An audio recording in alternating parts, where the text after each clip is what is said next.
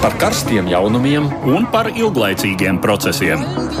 Par idejām, par cilvēkiem, par naudu un par laiku. Par abām mūsu planētas puslodēm, un lietojot abas smadzeņu puslodes. Ēterā raidījums divas puslodes. Mēs atkal tiekamies ierastajā laikā, pēc pusdienas trījiem, kad Latvijas raidījumā skan divas puslodes. Šī stunda veltīta ārlietām. Studijās mēs, Aits Tomsons, un līdz pat četriem lielāko laika daļu veltīsim diviem reģioniem. Vispirms runāsim par ASV. Mēs, kad tikāmies pirms nedēļas, vēl nebija zināms, kurš būs nākamais ASV prezidents. Nu, pirmās uzvaras emocijas jau ir norimušas, lai arī rezultāti apstiprināti tā arī nav.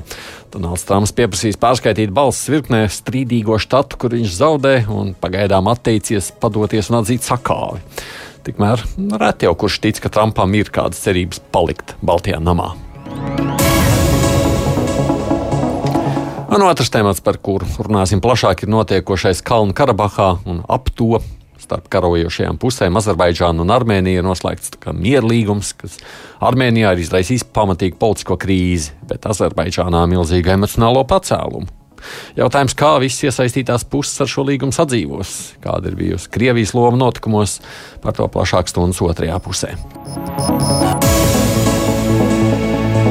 Ārkārtas situācijā tiešraidē mums viss notiek tikai attālināti, tāpēc telefoniski vēlāk raidījumam pieslēgsies gan žurnāla ir komentētājs, gan arī kolēģis Eduards, bet par citām aktualitātēm vispirms īsumā.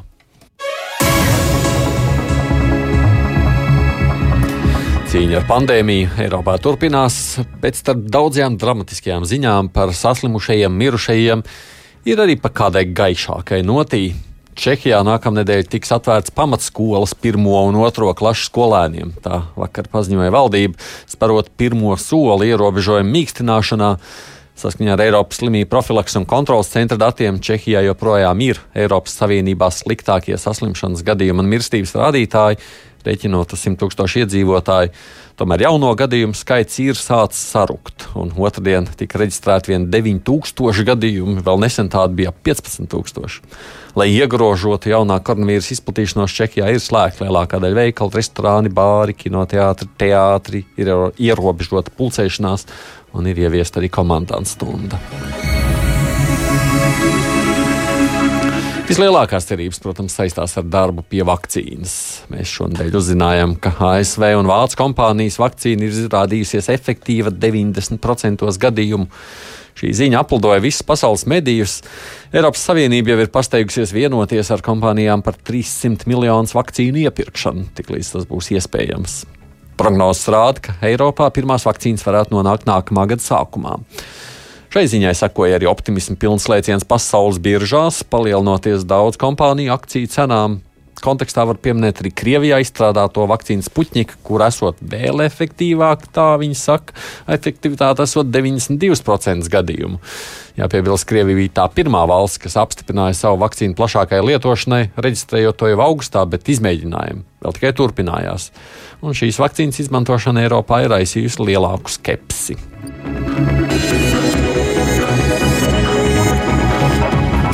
Eiropas parlamenta sarunvedēji otrdien ir panākuši politisku vienošanos par bloka daudzgadu budžetu nākamajiem septiņiem gadiem, kur apmērs ir triljons eiro. Tā paziņoja parlamenta un arī Eiropas padomas pārstāvi. Savienības prezidējošās valsts Vācijas preses pārstāvis Sebastians Fišers Twitter ierakstā to nodēvējis par vienošanos Eiropai. Vācijas sarunās pārstāvēja parlamentu, bet nu, tagad dalību valstīm ir jāapstiprina Vācijas panāktā vienošanās. Tā paredz 16 miljārdu eiro papildu finansējumu vairākām programmām, tostarp pētījumu un veselības jomās. Lielākā daļa šo līdzekļu tiks iegūta no soda naudām, kuras maksā uzņēmumi par Eiropas Savienības konkurences noteikumu pārkāpumiem. Valstu vadītāju vienošanās par budžetu panāca jau samitā jūlijā, bet nu, bija jāatrod kompromiss arī ar Eiropas parlamentu. Trīs Lietuvas partijas pirmdien ir vienojušās par koalīcijas līgumu jaunās valdības izveidē. Tādējādi nākamā ministra kabineta aprises ir gatavs. Jaunā valdība sola būt vēl aktīvāka savā ārpolitikā, īpaši iestājoties par brīvības cīnītājiem visā pasaulē. Līgumā, ko ir parakstījuši konservatīvā partija Tēvzemes Savienība, Lietuvas Kristīgie demokrāti, Liberāļu kustība un Brīvības partija, ir pat pieminēta Taivāna. Liegumā ir apliecināta gatavība aktīvi vērsties pret jebkādiem cilvēktiesību un demokrātisko brīvību pārkāpumiem. Kā žurnālistiem pirmdien skaidroja tēvzmiešu premjerministra amata kandidāte Ingrīda Šimonīte, atbalsts izteikšana taivāniešiem gan jāsaprot kā atgādinājums, ka Lietuva seko globālajiem procesiem, bet no šiem vārdiem nevajadzētu izdarīt tālījošus secinājumus. Jāpiebilst, ka Ķīnas vēstniecība Lietuvā jau ir paudusi sašutumu par brīvības partijas centieniem atbalstīt Taivānas neatkarību. Lietuva, tāpat kā daudzas pasaules valsts, oficiāli neatzīst Taivānu un ietur vienas Ķīnas politiku. Politiski izaicinoša šī nedēļa izrādījusies otram Baltijas kaimiņam, Igaunijai. Turklāt tur krīze izraisījuši ASV prezidenta vēlēšanas. Skandāli izprovocēja finanšu ministra Martina Helmes un viņa tēva, iekšlietu ministra un partijas ekri priekšsēdētāja vietnieka Mārta Helmes izteikumi, kuros apšaubīts ASV notikušo prezidenta vēlēšanu godīgums. Svētdien radiostacijas radio raidījumā finanšu ministrs sacīja, ka viņa prāti vispār nav pat jautājumu, ka šīs vēlēšanas ir viltotas. Savukārt iekšlietu ministrs pēc būtības apgalvoja, ka Baidena uzvara nodrošinājusi īpaša sazvērestība. Tas Igaunijā izraisīja milzīgu viļņošanos. Parlamentā tika iesniegta demisijas pieprasījuma abiem ministriem. Pirmdien iekšlietu ministrs pats paziņoja par atkāpšanos, piebilstot, ka no saviem vārdiem gan neatsakās, bet finanšu ministrs ir spējis savu amatu saglabāt. Neusticības balsojumā par balsoja tikai 46 deputāti, bet pārējie 54 klātesošie balsojumā nepiedalījās. Igaunijas parlamentā pavisam ir 101 deputāts, un, lai izteiktu neusticību ministram, balsojumam vajadzīgs vismaz 51 deputātu atbalsts.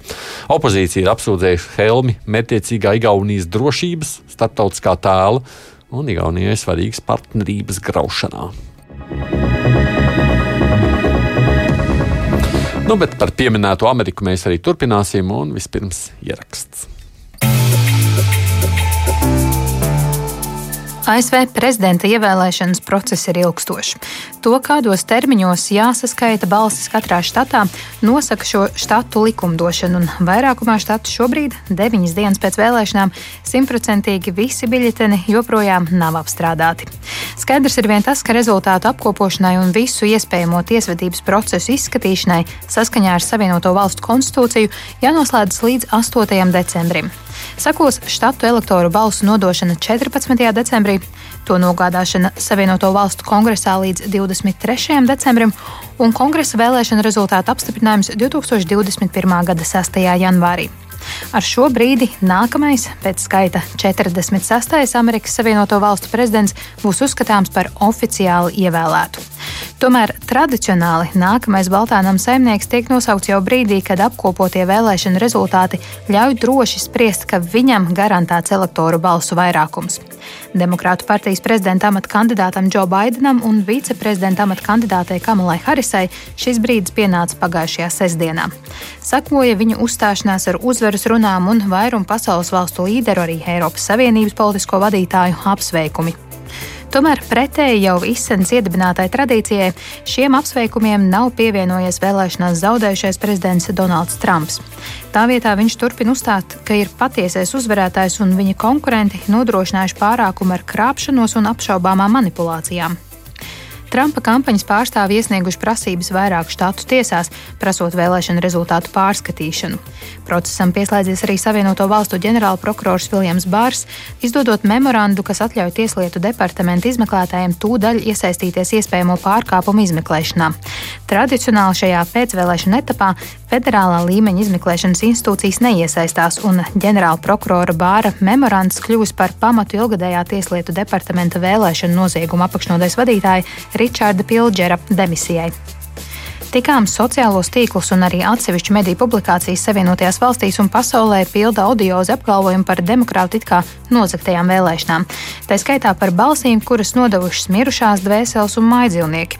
Kustības Stop the Steel apturam nozagšanu aktīvisti rīkos skaļas demonstrācijas un čupojas sociālos tīklos, kuri Daudzas no šīm grupām jau ir slēgušas, jo tajās atklāti tiek apspriestas vardarbīgas akcijas sava politiskā favorīta Trumpa kunga atbalstam. Nopietnas sabiedriskās domas aptaujas gan liecina, ka arvien lielāks skaits amerikāņu pieņem Baidenu un Harisu uzvaru kā faktu. Ziņu aģentūras Reuters aptaujā aizvakar nepilni 80% respondentu apliecinājuši, ka uzskata Džo Baidenu par uzvarējušu vēlēšanās, kamēr Donalda Trumpa uzvarēja tic vien 3% aptaujāto. Ceru, ka tagad mums Edvards Liniņš dzird pie vienas klausulas. Sveiks, Edvard! Labdien! Jā, un Pauls Rauceps, žurnāli ir komentētājs pie citas klausulas. Sveiks, Paul! Sveiks, Aidi! Kā ir Paul Trumpam, nav nekādas izredzes? Nē, nu, pēc likuma un taisnības viņam nav nekādas izredzes. Bet protams, tie nav. Jā, tu vēl sagaidi apvērsumu. Kuriem, pēc kuriem viņš darbojas. Nē, nu, es domāju, ka viņam tās iespējas kļūst ar vien mazākas, jo eh, par spīti tam, ka neviens no vadošiem republikāņiem nav apsveicis Baidenu, mm, parādās ziņas, ka Trumps ir vareni nikns uz uh, republikāņu partijas vadošiem, vadošām amatpersonām, jo tie pietiekami sparīgi arī neatbalsta viņa domu, ka te varētu kaut ko mainīt. Un, Uh, manuprāt, ko tur vispār var mainīt? Nu, te jau pavasarī, ņemot vērā to, kā Trumps jau sāka gada sākumā gatavot augsni biļetēnu apšaubīšanai, un tur tvītoja nemitīgi, ka visi šie pasta sūtītie biļetēni būs falsificēti vai kaut kādā citā veidā nepieņemami. Uh, tur jau dažādi cilvēki sāk izpētīt visu procedūru, kas līdz šim nevienu nav sevišķi interesējis, tāpat kā mums parasti neinteresē uh, mūsu mājas santehnika līdz brīdim, kad tas iet dēlī.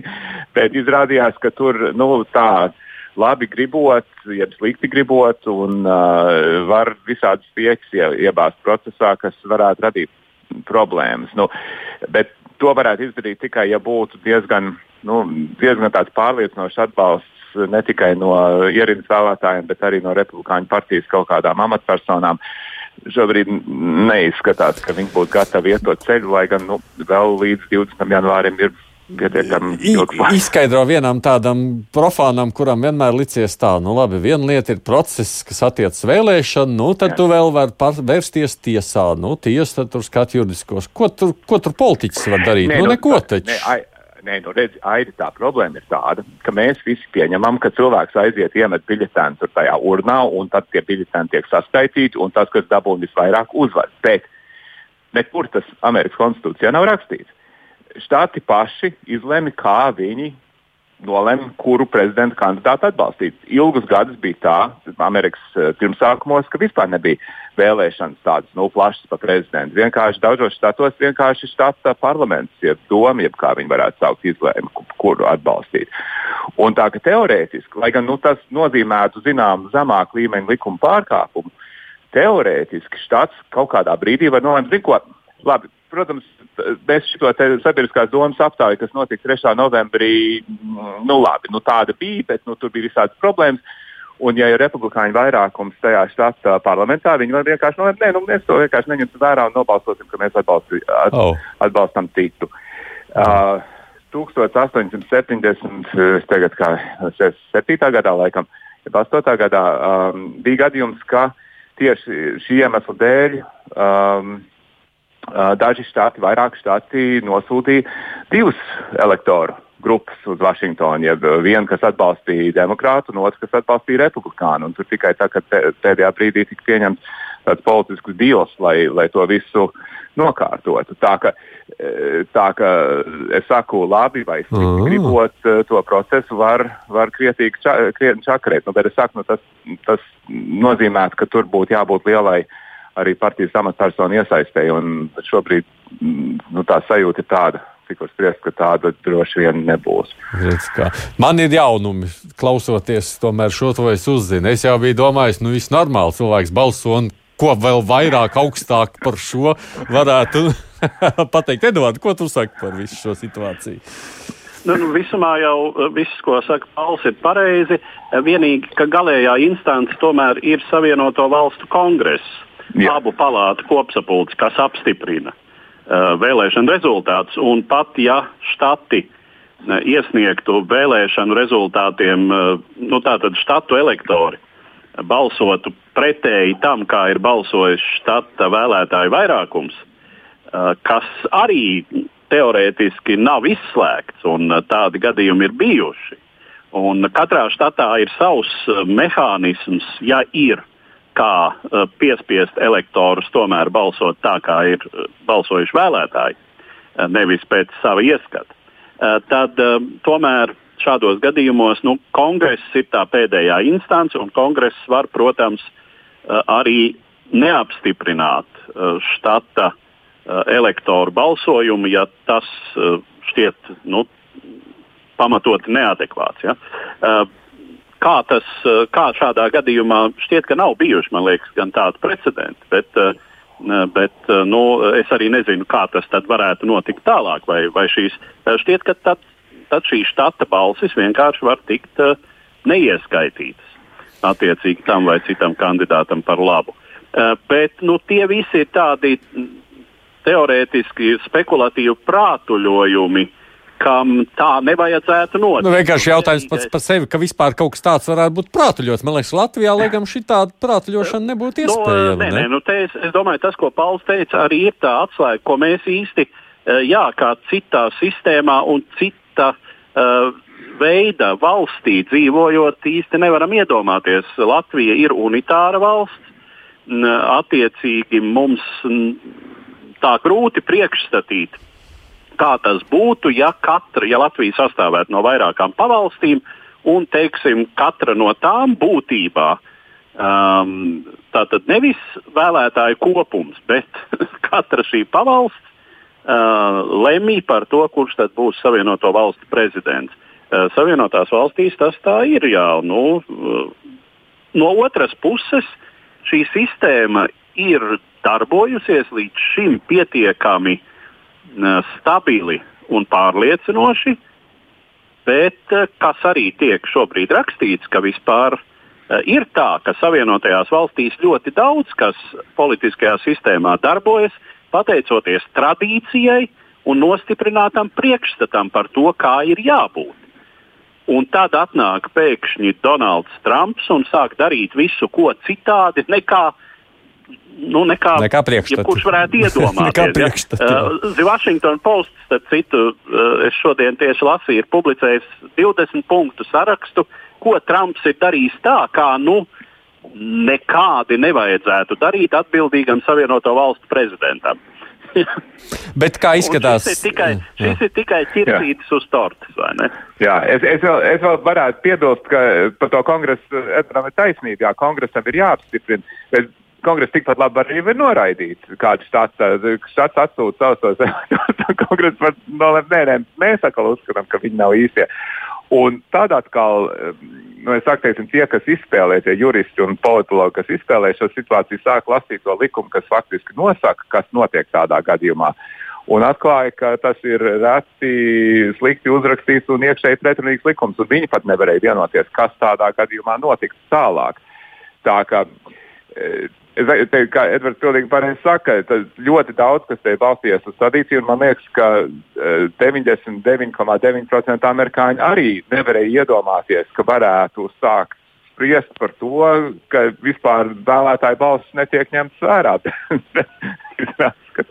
Izskatās, ka amerikāņiem ir steidzami jāpārdomā, vai tomēr nevajag arī sakārtot savus likumus. Un... Nu, man, te, te, ir, te, ir, te ir pat, man liekas, tāda būtiskāka problēma, ka, ka kas tagad notiek, ir, ka tā federālā sistēma, kas dod neproporcionāli lielu varu maziem un arī bieži vien tādiem nesevišķi urbāniem štatiem, eh, tas politiskais rezultāts, kas, ko šī sistēma ģenerē, aizvien vairāk atšķiras no tā, kas notiktu, ja būtu vienkārši tādas vienkāršas vēlēšanas. Nu, mēs redzam, ka tagad jau otro, uh, otrās vēlēšanas pēc kārtas, un man liekas, ka ceturtās vai piektās uh, pēdējo 30 gadu laikā um, uzvarēs, nu, teiksim tā, šajās vēlēšanās uzvar cilvēks, kurš uh, dabūja visvairāk, jā, bet, nu, teiksim, tas elektorālās balsīs netiek tik spēcīgi atspoguļots. Trumps uzvarēja, lai gan viņš dabūja mazāk balsis. Džordžs uh, Bušs uzvarēja, lai gan viņš dabūja mazāk balsis nekā, nekā Gors. Uh, un šī aizvien lielākā plaisas starp vairākuma gribu, ja tā varētu teikt, un politisko rezultātu. Tas pats par sevi ir milzīgs spriedzes avots Amerikas politikā šobrīd. Tas arī attiecas uz augstāko tiesu, kur uh, tas, tas sastāvs tagad ir ievērojami konservatīvāks nekā, Amerikas, mm -hmm. nu, varētu teikt, vidējais, nekā Amerikas vidējā Lātais, temperatūra. Mēs esam šobrīd savukārt sazvanījuši vēl Ņujorku, kur mūs dzird organizācijas Baltiešu aicinājums apvienotiem nācijām vecbiedrs Uldis Bluķis. Bluķa kungs, halo, labdien! Nē, labrīt! Jā, labdien! Jūsu pusē labrīt! Kāds ir jūs, kā jūs teikt, jo Ņujorka jau taču pārliecinoši balsoja par Baidenu, vai ne tā?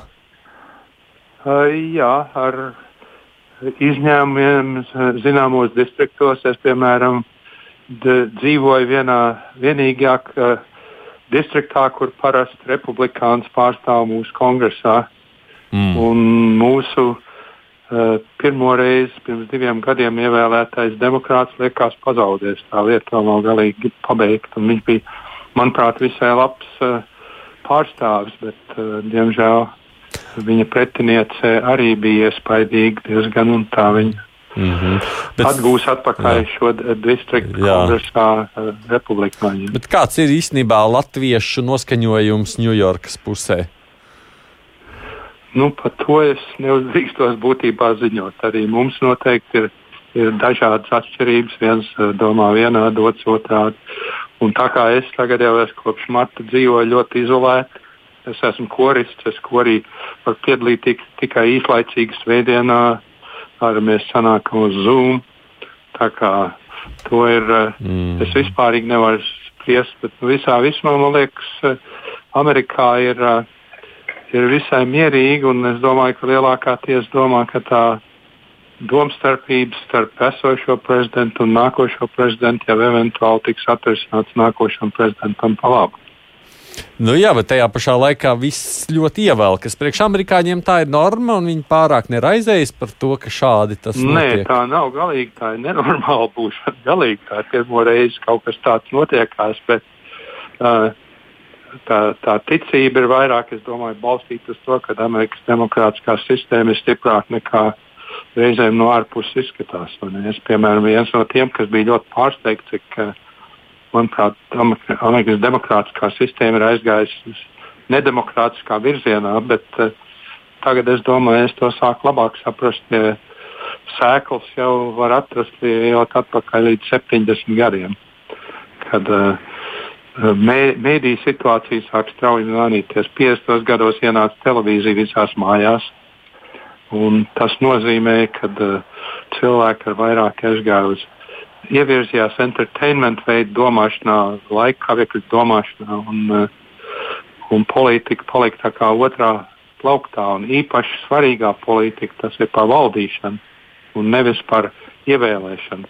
Ievēlēšana entertainmentam noder visai labi, jo tur ir uzvarētāji un pazaudētāji, un amerikāņiem tas ļoti patīk. Un, un, bet uh, tādā pašā laikā nopietna valdīšana, piemēram, mums būtībā ļoti maz, liekas, ka Tā, Trumps jau neko daudz kā prezidents nav izdarījis, bet viena lieta, ko viņš ir neizdarījis, tas ir uzturējis labu, kompetentu valdību. Viņš ir sabāzis iekšā vis visādus uh, nekompetentus cilvēkus tikai tāpēc, ka viņi viņam personīgi lojāli ir. Un, un, uh, kad sāks, uh, ka Baidens pārņems un sāks saprast, kas ar valdību īsti ir noticies, tad manuprāt atklāsies diezgan briesmīgas lietas, cik četros gados valdības kompetences līmeņi gājuši uz leju. Bet jūs esat optimists, sakot, ka viss būs labi. Nē, es neesmu tā, tāds optimists. Es esmu pragmātisks. Es domāju, ka būs labāk. To pietiek. vi, vi, viss būs labi. Tā ir utopija. Es esmu protopists. Tas nozīmē, ka būs kaut kas labāks nekā pašlaik. Mm. labi. Paldies, Ulas Bluķis, kurš ir organizācijas Baltiešu aicinājums apvienotajām nācijām vecbiedrs. Paul, tu dzirdēji savu nu, tautieti kurš šobrīd dzīvo tajā pusē. Viņš jā, jā, viņš ir mūsu. Tev tuvāks nekā man, saprotamas ziņā. Man daudz lietas Amerikā ir svešas, protams, es esmu arī bijis vairāk kārt, bet man viņas ir diezgan pasvešas tomēr. Uh, bet skatoties uz to nākotni, tu esi vairāk optimists vai pesimists? Uh, jā, es, uh, es svārstos.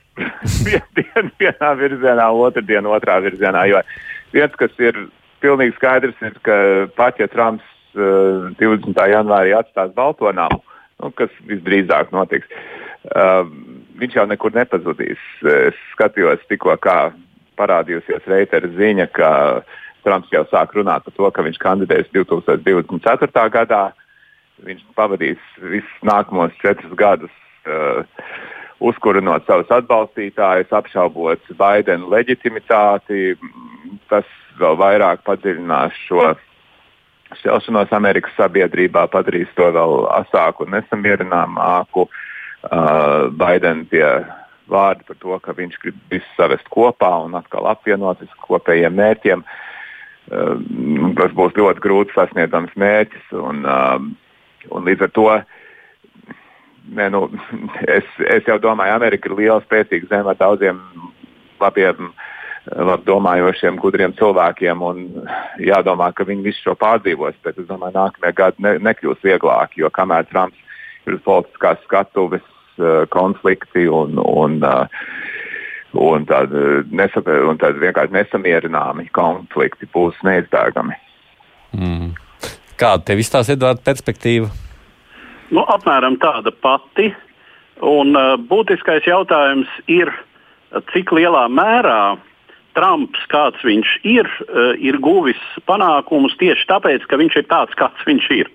Jā, viena versija ir, ka uh, teiksim, um, šis uh, konservatīvisms, populisms, viss tas, kas ar Trumpu saistās, ir viņa kļūdas, kas viņam uh, neļāva tikt pārvēlētam uz otro termiņu, uh, kas um, lielā mērā nu, teiksim, uh, ap, liek apšaubīt viņa iespēju tikt ievēlētam atkārtoti. Nu, tātad tas, ko mēs varētu, viedoklis, ko mēs varētu devēt, kā um, Trumps ir kļūme. Trumps ir tā sacīt, novirze no normas, uh, izlekšana no normālas politiskās kustības sliedēm, eh, un tagad mēs esam sliedēs atpakaļ, un viss turpināsies daudz maz sakārtoti. Eh, taču nebūtu tā pārliecība tiem, kur vēro procesu, un arī man, tāda nav. Jo um, ir, diemžēl, elektorātā, jebkuras valsts elektorātā, ir diezgan liela daļa vēlētāju, kuri, eh, kuri veido pieprasījumu tieši šādam trumpismam, eh, tieši šādai tradīciju noliekšanai, eh, normu neievērošanai, neloģiskumam, priekšstatam par to, ka politikā var darīt tā, kā man gribas, kā man patīk, un tas būs vislabākais. Un, uh, Iespējams, ka, eh, nu, protams, eh, tas, kas būtu jādara teiksim, jaunajam prezidentam, būtu jāsaprot arī lielā mērā, nu, kāpēc sarkanie štati un sarkanās uh, uh, štatu iekšienē, tātad apgabali, sarkanie apgabali ir, ir sarkani, uh, konsekventi sarkani. Kāpēc tie balso par tādu politiku, kādas ir tās sociālās saknes. Eh, nu, tātad, tas ir teiksim, tas loģiskais, saprātīgais ceļš, eh, kā to varētu, kā teiksim, negatīvo efektu varētu mazināt. Bet uh, ir lietas, kuras, manuprāt, mēs uh, tikai šobrīd vērojam un vēl īsti nesam spējīgi izanalizēt. Piemēram, sociālo tīklu ietekme ne tikai uz uh, cilvēku viedokļu koncentrāciju, bet uz cilvēka domāšanu kā tādu. Tas, ko Bluķkungs arī teica, tā tad uh, izklaides domāšana, uh, raudzīšanās uz visu kā uz tādu vai citādu uh, izklaidi, kā šovu, uz realitāti, šovu, šovu. kur ir ārpus manis. Oh, jā, bet jā. Es, es gribētu piebilst arī, ka ne jau tikai sociālajie tīkli, man, tie, protams, spēlē savu lomu, bet šo ļoti dziļo plaisu Amerikas sabiedrībā starp republikāņu atbalstītājiem un demokrātu atbalstītājiem, kas ir novedis pat pie tā, ka tagad aptaujās cilvēkiem prasa, vai jūs iebilstu, ja jūsu bērns apkacētu cilvēku no otras partijas, un šis cilvēku skaits, kas kategoriski pret to iebilst, ir nu, 30, 40%. Nu, kaut kas pavisam neiedomājams īstenībā, ka šī kļūst par galveno uh, galveno uh, dalījumu Amerikas sabiedrībā un nesamierināmo, kā jau teicu, dalījumu. Bet to ne tikai tas ir sācies uh, krietni pirms sociālo tīklu parādīšanās un vislielākais tas ķīlis, kas šo plaisu paplašina, ir tieši televīzijas kanāls Fox News, kuram pretī tagad stājies atkal otrā pusē CNN un MSNBC, kas katrs uh, kļūst par galveno informācijas avotu saviem skatītājiem. Viņi neredz neko ārpus šī te televīzijas rāmi, ko viņi skatās. Un kas arī ļoti mērķiecīgi nostiprina cilvēku identitāti kā piederīgu šai partijai, kurai otra partija ir ne tikai sāncenši, bet tie ir bezmaz vai ienaidnieki. Un, un to, tas pat nav, tur pat grūti meklēt, nu, tā, tur ir eh, kāds sociāls pamats, protams, tam ir, bet reiz, kad cilvēks ir izveidojis tādu pasaules skatu,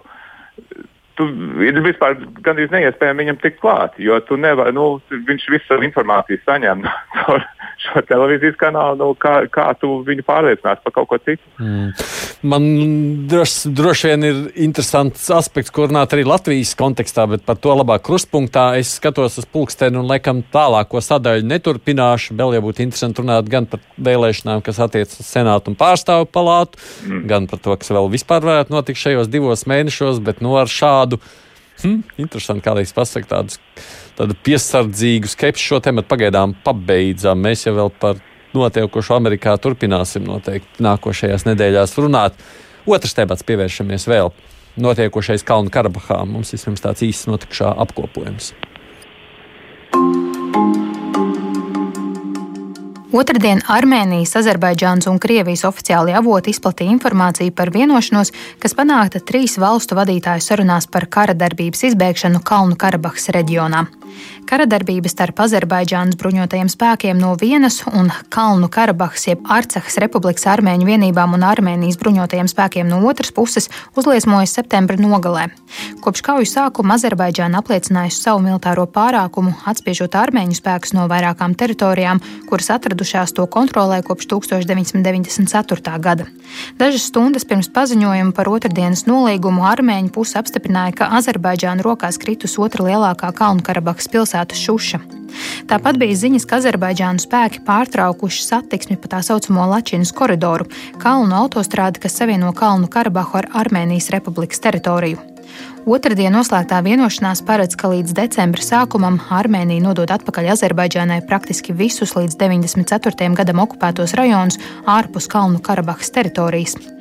Tas nozīmē, ka pašpasludinātā Arcahas republika tiek izolēta no Armēnijas un vienīgā saistošā artērija paliek jau minētais Lačinas koridors. Kalnu Karabahas esošo robežu un Lačinas koridoru nodrošināšanai pret tālākiem Azerbaidžānas spēku uzbrukumiem reģionā tiks izvietots Krievijas miera uzturētāju kontingents. Azerbaidžānas prezidents Ilhams Alijevs jau nodēvējis vienošanos par spožu uzvaru un Armēnijas kapitulāciju, kamēr Armēnijas premjerministrs Nikols Pašiņans to raksturojas kā neaprakstāmi sāpīgu lēmumu, bet atteicies atzīt kā sakāvi. Pēc informācijas par vienošanos Azerbaidžānas galvaspilsētas Baku ielas pildīja līksmojoši pūļi, kamēr Armēnijas galvaspilsētas Erevānas ielās devās saniknoti protestētāji, vainojot valdību nodevībā. Otradienas vakarā protestētāji ielauzās Armēnijas parlamenta un ministru kabineta ēkās, pieprasot valdības atkāpšanos. Tiek ziņots, ka protesti Armēnijā nav rimuši joprojām. Divas puslodes! Atgādina telefoniski pie klausulas žurnāla ir komentētājs Pauls Rauceps, kolēģis Edvards Liniņš, un vēl mūsu sarunai tādu pievienojas arī TVNet kolēģis Jānis Vingris. Labdien, Jāni! Labdien, labdien! Jūs esat no tās puses tikko atgriezies, tā man saka. Kolēģi. Jā, dažas dienas ir pagājušas, es esmu tieši, tieši nesen atbraucis. Jā. Kur jūs bijāt? Es biju tātad Erevānā, tad eh, šķērsoju Latvijas koridori, ja tā saucamo dienvidu ceļu uz eh, Stepanekertu, tad es pabiju eh, četras reizes Šušā un vēl citās mazākās vietās. Un ko jūs sakāt par to, ko redzējāt? Nu, es redzēju īstu kāru. Es redzēju, uh, es redzēju uzbrukumu šušai, es redzēju cilvēkus, kas ar ieročiem rokās bija gatavi uh, aizstāvēt Šūšu līdz pēdējiem. Es redzēju, kāda izskatījās Arcahas galvaspilsēta Stepanakerta. Uh, nu, vienmēr sakot, jā, īstu karu. Un kādas sajūtas pēc tā visa? Mm, Uh, sajūtas, sajūtas uh, nu, neko labas. karš, karu redzēt savām acīm, un jebkurš karš, protams, ir, ir briesmīgs. Un, un, un Armēnijas puses zaudējumi šajā karā ir milzīgi. Azerbaidžāna par līdzsvaru, par uzvaru. Šūša, kuru viņi uzskata par savu svēto pilsētu, ir ieņemta. Tas bija arī viņa galvenais mērķis. Un, un, un, un, un arī bija skaidrs, ka pēc šūšas ieņemšanas pēc šīs pieņemšanas arī tālākais uh, Kalnu Karbakis ārpus liktenis uh, ir nolemts, jo tas, kas kontrolē šus, tas, uh, tas var arī netraucēt pieņemt uh, Stepanakēpus. Bet nu, tas tagad nav noticis. Tas nav noticis. noticis tas nav noticis. Jā, nu, it kā, it kā Stepana Kerta paliek armēņu, armēņu, armēņu pus, pusē, bet, bet, bet, bet Es nedomāju, ka tas tā tik vienkārši beigsies. Jā, karš ir apstājies, bet uh, Azerbaidžāna tāpat joprojām uzstāj uz to, ka uh, viņi uzstāj uz to, ka armēņiem ir iespēja līdz uh, sadzīvošana ar Azerbaidžāņiem, kas uh, tagad ienāk šajās pilsētās, es domāju, civiliedzīvotāji, bet, um, bet ar vienu noteikumu, ka armēņiem ir jākļūst par Azerbaidžānas pilsoņiem. Un man, redzot to, ārprātīgo naidu, kas valda armēņu un azerbaidžāņu starpā, man ir grūti iedomāties, ka kāda līdzās pastāvēšana vispār ir iespējama šajā, šajā, šajā reģionā. Es nedomāju, ka tas ir iespējams. Tā kā tas ir lielais jautājums, kā tas viss vēl atrisināsies. Nu, tas ir tas jautājums, ko es arī pārējiem kolēģiem gribu jautāt. Jūsuprāt, kas tagad notiks tālāk, Edvards? Nu, visticamāk, šis konflikts tiks uz kādu laiku šādā veidā iesaldēts. Jo es domāju, ka Azerbaidžāna savus kara mērķus ir sasniegusi. Es domāju, ka Azerbaidžāna nebija plānojusi ieņemt visu Kalnu Karabahas teritoriju, jo tās ir bijušas vienmēr armēņu apdzīvotas teritorijas, autonomija arī padomi laikā. Un, ieņemot Kalnu Karabahu, Azerbaidžānai rastos gana daudz problēmu ar šīs teritorijas kontroli. Tas būtu nepārprotami okupācijas režīms, var diezgan droši lēst, ka tur būtu militāra pretošanās. Eh, var pieņemt, ka sekotu nu, tāda vai citāda teroristiska darbība no uh, Kalnu Karabahas iedzīvotāju armēņu puses, respektīvi problēmu ieņemot Kalnu Karabahu un tiešām to padarot par Azerbaidžānas kontrolētu teritoriju, būtu vairāk nekā ieguvumu.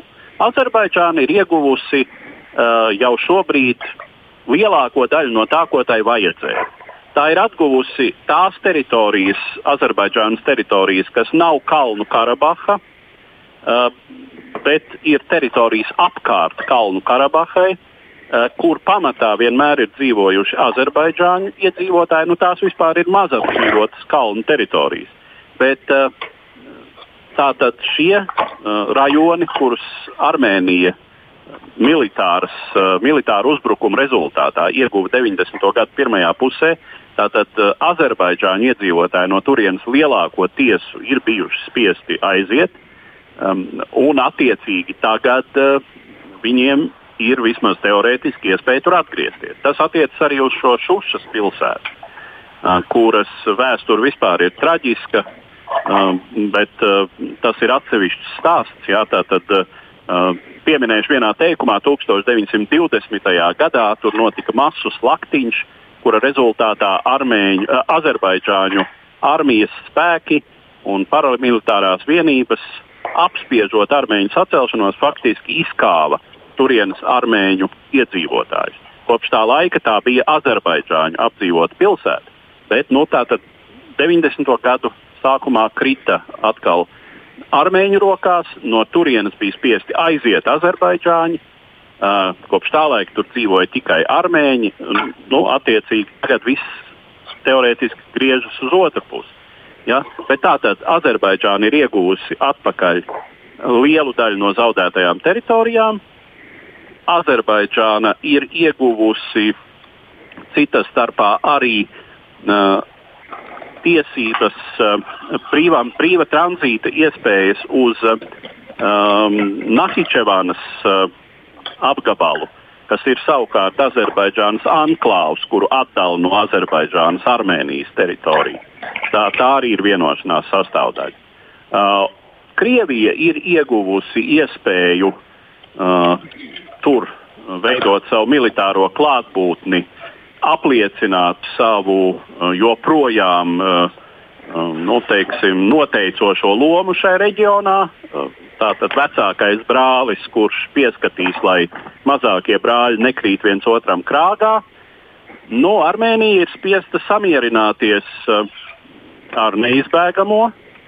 Um, nu, teiksim, jautājums ir, jā, cik šī samierināšanās ir iespējama uh, un uh, nu, mm, kā, tas, uh, kā tas varētu risināties tālāk. Nu, tas, tas droši vien mm, es, es visdrīzāk paredzu, ka tas uh, uh, ir. Uh, ka konflikts atkal ir nonācis zināmā līdzsvarā, uh, kurā tas visdrīzāk kādu laiku paliks. Saki, ko tu, Pauls? Nu, jā, nu, tā vienošanās ir uz pieciem gadiem. Tā, tad, tas nav pret mūžību, tas nav ilgs laiks. Mm, un uh, droši vien, ka jau uzreiz sāksies manevri domājot par to, kas notiek šīs vienošanās beigās. Es domāju, ka viens ļoti svarīgs faktors šeit, ko nedrīkst ignorēt, ir Turcijas loma. Azerbaidžāna Azerbaidžān nebūtu spējusi droši vien uh, gūt tik liels militārs panākums bez Turcijas uh, militāro, militārās tehnikas piegādes, bez Turcijas uh, diezgan atklātās, at, atklātā atbalsta. Ir ziņas par to, ka Turcijas uh, iznīcinātāji ir bijuši Azerbaidžānas teritorijā uh, kara laikā tādā veidā novēršot uh, kaut kādus Azerbaidžānu uzlidojumus. Un man liekas, ka Turcija pirmkārt ir nozīmīgi pastiprinājusi savu lomu šajā reģionā, un ko mēs arī redzam, kas te, mēs par šo, šo varam spriest, kā teiksim, ir cilvēki, kas atcerās šo konfliktu jau no atmodas laikiem, un tur ir kaut kādas simpātijas vai antipātijas, kas ir izveidojušas tajā laikā, un teiksim, tas ir saistīts ar mūsu kopējo atrašanos padomu telpā, bet runājot tieši par mūsdienu politiku, ko mēs redzam, ir, ka te ir vēl viena vieta, kur uh, konflikti tiek risināti militār, uh, militārā ceļā, un kur ir iesaistītas valstis, ar kurām mēs esam ļoti cieši vienādi vai otrādi saistītas. Turcija ir NATO valsts. Viņi bija viena no galvenajiem Azerbaidžānas atbalstītājiem un visu laiku gan savos paziņojumos, gan tehnisko palīdzību palīdzēja Azerbaidžānai. Krievija savukārt ir mūsu kaimiņu valsts, kuras militārā rīcība mums jau ir labi zināma, un mēs zinām, ka viņi ir arī gatavi šos uh, šos uh, ieročus likt rokā, lai panāktu savus mērķus. Uh, ap Eiropu sāk veidoties aizvien vairāk vietu, kur robežas tiek dalītas ar zobenu. Un tas ir jautājums, kas mm, ir diezgan satraucošs mums, jo tas, nu, kā, tas jau mēs, mēs nestājam nav tādas drošas sienas, kas mūs var pas, pasargāt no šādiem konfliktiem. Un, uh, es arī domāju, Edvards uh, saka, ka viņš domā, ka tagad paliks kādu laiku. Nu, varbūt, bet uh, gala beigās nevien, uh, Kalnu Karabahā tiek starptautiski neviena valsts neatzīst to, kā neatkarīga teritorija. Visi atzīst, ka pēc starptautiskās likumdošanas tā pieder Azerbaidžānai un nebūs tā, ka viņi atteiksies no šīm tiesībām. Es domāju, viņi meklēs veidu, kā panākt, lai, viņi, lai Azerbaidžānas valdības uh, teiksim, vara nostiprinās arī tur. Un vai tas nozīmē, ka visiem arvēģiem būs jābrauc prom, vai, vai viņi tiks izdzīti, vai kā tas viss risināsies, es nezinu. Bet uh, es domāju, ka ir, šī ir tikai pauze Bet uh, diez vai šāds uzvaras nu, uzskatīs, ka viņi var. Nu, jā, Pē, Pēters raksta mums šādi, klausītājs, jā. ka Azerbaidžāņi vēl nav sapratuši, ka tagad viņiem ir Abhāzijas Osetijas problēma. Nu, jāsaka tā, šādi konflikti var palikt tomēr zināmā līdzsvarā diezgan ilgu laiku. Nu, mēs zinām, cik ilgi jau šobrīd uh, pastāv tā pati sadalītās Kipras problēma. Ja, tās, ir, eh, tās jau ir eh, desmit gadi, stūlīt būs 50 gadi. Ja. Eh, cik ilgi jau tomēr ir Piedņestras problēma. Ja? Un tā tālāk, un tā tālāk. Tā kā, Nav nu, obligāti jābūt karam, vai ne? Ja, es, es tomēr uzstātu uz to, ka Azerbaidžānai tā īsti pievākt um, Kalnu Karabahu un uh, teiksim, panākt uh, visu armēņu iedzīvotāju um, bēgšanu no turienes, citādi to acīm redzot, arī nevar saukt. Uh, nu, tas īsti nav tas, kas Azerbaidžānai ir vajadzīgs. Mm. Uh, un tas īsti domājams nav vajadzīgs arī Turcijai. Nu, vismaz tajā pasaules kārtībā, kurā Turcija joprojām paliek NATO dalība valsts, eh, kurā Turcija tomēr vairāk vai mazāk um, par spīti pašreizējā prezidenta Erdogana ambīcijām un eh, teiksim, tādiem uh, sultāniskajiem žestiem, uh, tomēr cenšas ievērot kaut kādas uzvedības, starptautiskās uzvedības normas. Ja? Nu, arī, uh, bet, protams, uh, tas, ka Eiropai, Eiropas Savienībai un šajā brīdī arī NATO, kā jumta organizācijai, nav īpaši iespēja uz to, kas tur notiek. Un ka tur lielās līnijās viss tiek risināts divu lielo spēlētāju, Turcijas un Krievijas starpā. Nu, tas uh, visnotaļ ir tiesa. No, te man, protams, arī no klausītājiem ir dažādi viedokļi par šo, bet Jāni, klausoties visā šajā, kā jums šķiet, cik liela bijis un ir tās Turcijas un Krievijas nozīme, tas, kas ir noticis pēdējās dienās? Mm, Turcijas nozīme pilnīgi noteikti par to runā. Par to, par to runā ļoti daudz. Eh, to es dzirdēju eh, ļoti daudz tur uz vietas, esot eh, ne tikai ar militāro aprīkojumu un augstiem tehnoloģijām, bet arī, arī, arī īrijas algoņu nogādāšanu uz Azerbaidžānu. Uh, Krievija, uh, nu, jā, kā Pauls teica, Krievija domāju, ir iegūsi, arī ir ieguvējusi šajā visā.